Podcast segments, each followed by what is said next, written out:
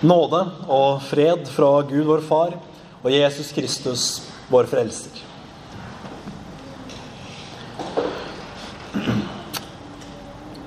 Vi må nesten naturligvis begynne med å se på såmannen. Eller bonden, kunne vi kanskje kalt han.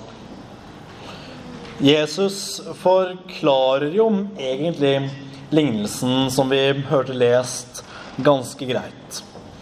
Såkornet er, som han sier, Guds ord. Men såmannen hvem er det?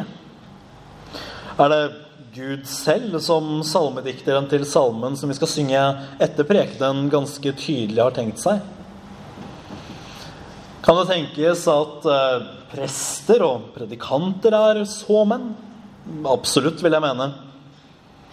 Hvis en såmann er en som sår Guds ord på hvilken som helst måte, så er det jo heller ikke helt sært å tenke seg at vi alle, på hvert vårt vis, en gang i løpet av livet, kan være en såmann. Eller en såkvinne, for den saks skyld. Da passer det seg jo naturlig her med noen tanker om forkynnelsen av Guds ord. Jeg hørte for noen år siden, mens jeg fremdeles var student i Oslo, en bekjent holde en preken. En flott og solid prest som jeg har all tiltro til. Men da prekenen var ferdig, så avsluttet han ikke sedvanlig med 'ære være Faderen og, og Sønnen' osv., som jeg vanligvis avslutter mine prekener, og som jeg tror nok at de aller fleste prester også gjør det. Men han sa ganske enkelt 'Slik lyder Herrens ord'. Og så gikk han ned fra prekestolen. Ryggmargsrefleksen min det var jo at nå var han blitt stormannsgal. Dette her gikk jo ikke an. Kan en prest virkelig stå der og si 'Slik lyder Herrens ord', når det helt uomtvistelig er hans egen stemme som har fylt kirkerommet? Jo da, det virker jo for så vidt rart, men hvis vi ser litt nøyere på hva, hva, slags tanker som rører seg her, så tenker jeg egentlig at tanken ikke er så fremmed. For Martin Luther han kan fortelle oss det, og nå husker jeg ikke helt hvilket skrift det er fra. Men han sier at den som forkynner Guds ord, skal frimodig kunne si at hans egen tale var som Guds tale. Hvorfor det? Jo, fordi det er Guds ord som forkynnes. Det er ikke Mikaels ord. Er, eller noen andres ord. Hadde det vært tilfellet, at jeg hadde avsluttet prekenen med 'Slik lyder Mikaels ord', da burde dere gått deres vei og ikke hørt på meg. Men dersom når en prest forkynner ordet med stor O. Og dersom man med Bibelen og de lutherske bekjennelser kan se at dette er i overensstemmelse med Guds ord, ja, da kan man forstå at når denne presten talte, da var det virkelig som om det var Gud selv. Men vi er jo ikke dumme. Kanskje tenker vi at dette her er farlig. Det er ikke en fryktelig rar tanke. Gir ikke vi da mennesker guddommelig autoritet? Dette er selvsagt en mulig fare som vi skal være klar over. Samtidig så tenker jeg at dersom dere som menighet alltid holder fast de som forkynner for dere, også, nei, kanskje særlig meg som er deres sokneprest, holder meg fast på Bibelen og våre bekjennelser, at unngår vi å opphøye mennesket. Men vi må holde fast på at det er Guds ord som lyder fra prekestolen. Hvorfor? Jo, fordi det er jo bare Guds ord det er kraft i. Det er ikke noen kraft i mine ord. Selv om jeg noen ganger kan ha høy stemme, noen ganger kan ordene mine utrette noe. De kan trøste eller uro eller gjøre andre ting, men det er bare menneskeord. For jeg er bare et menneske. Men med Guds ord så er det noe helt annet. For det er nemlig levende og virkekraftig. Nettopp slik Bibelen forteller oss. Og nettopp dette er grunnen til at Jesus velger å ligne det med et såkorn. For når ordet lignes med et såkorn, da forstår vi kanskje litt av hvordan det kan virke. Jesus kunne jo lignet det med ganske mye annet. Og jeg tror i mange gjenf moderne gjenfortellinger av denne lignelsen så kunne vi vært fristet til å si at Guds ord er som en bunt med dynamitt. I alle fall om vi skulle høre på våre egne tanker og ønsker, godt hjulpet av moderne vekkelsespredikanter som trekker tusenvis. At med en gang Guds ordet lyder, så høres det et brak. Og plutselig av løse luften er alle turboivrige kristne. Sånn virker det nok ikke. Denne tanken er selvsagt godt hjulpet fram av at man leser apostlenes gjerninger som dogmatikk, når det heller skal leses som kirkehistorie. Helt i starten så var det viktig at ting gikk litt raskt for å danne et solid grunnlag for kirken. Det ble gjort bl.a ved åndens utgytelse, som han sier. Altså at ånden ble gitt på pinsedag. Men ellers så gikk det nok litt roligere for seg. Men at Guds ord vokser og er levende og virkekraftig, det skal vi ikke tvile på. For der ordet forkynnes, der går Gud selv, som den himmelske såmann, og sår sine frø.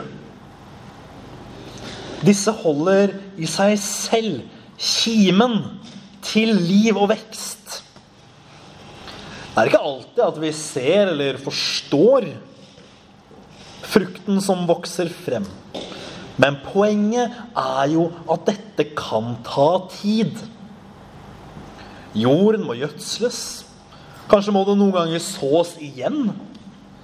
Men at det før eller siden vil vokse, det kan vi tro og stole på. Det er tross alt Guds eget ord. Så skal vi ikke fortvile altfor mye når vi ikke ser de store vekkelsene vi kanskje noen ganger dypest sett skulle ønske oss. Guds ord er et såkorn og ikke en bombe. Og det vil vokse, om enn noe ulikt. For når kornet vokser ulikt, så handler det jo om, slik Jesus sier, at kornet har ulikt jordsmonn. Jeg er ikke bonde, men jeg har skjønt at det finnes god og dårlig jord.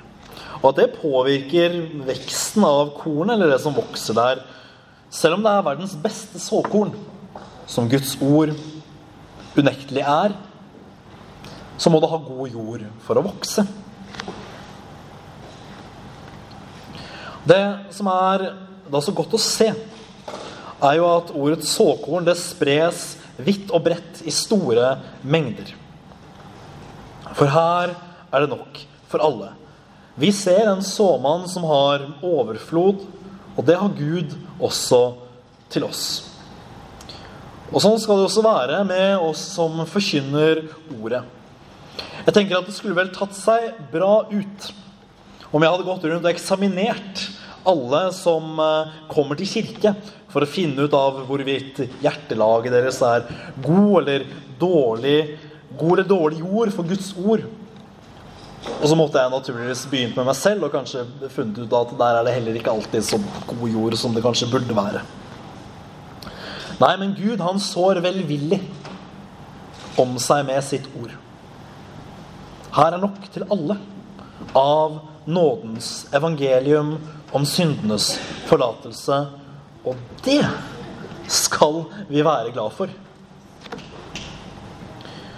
Men vi skulle samtidig ha det klart for oss hvilket hjertelag vi har når vi tar imot ordet. For hjertelaget det er det samme som jordsmonnet.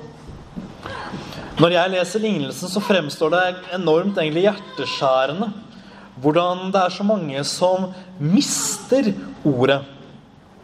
For her har vi altså, altså fått den aller største skatt som noensinne er gitt oss.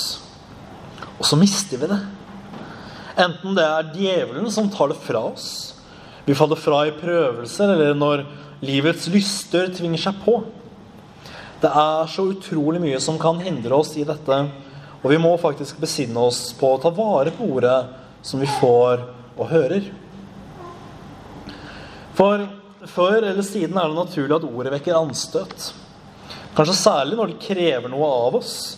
For Guds ord er ikke et ord som kaller til selvrealisering og hedonistisk nytelse. Nei, Jesus stemme lyder klart. Fornekt dere selv og ta opp deres kors. Vegring for å gjøre dette er nok den største grunnen til at vi mister ordet i dag. Vi vil ha det så godt og komfortabelt. Vi elsker noen ganger våre synder så høyt at enten så rettferdiggjør vi dem på den ene siden, eller så bedriver vi teologisk tankegymnastikk på den andre siden. Så opp blir ned. Høyre blir venstre, og synd i alle fall ikke blir synd. Vi dikter opp et nytt begrep for det vi, som ingen forstår, og vi mister også Guds ord.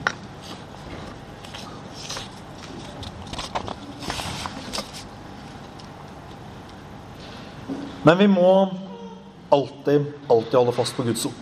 Fordi dette ordet Det er et ord som vokser frem som en stor og herlig legedom for synden. Vi som er kirke, hva er det vi driver med? Hva er det som er vårt oppdrag? Skrell vekk alt det ytre. Hva står vi igjen med?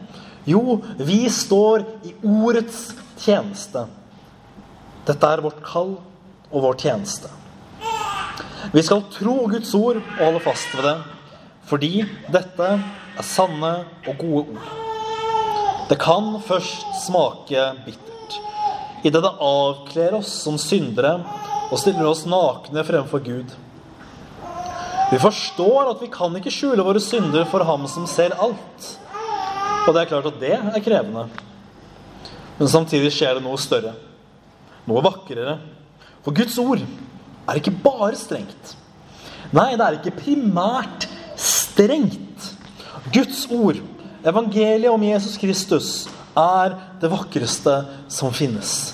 For når det først har vist deg din synd, så viser det deg nå din frelser, Jesus Kristus, som ga sitt liv for å ta straffen for alle våre synder. Han kan vi tro på. En tro som Guds eget ord skaper.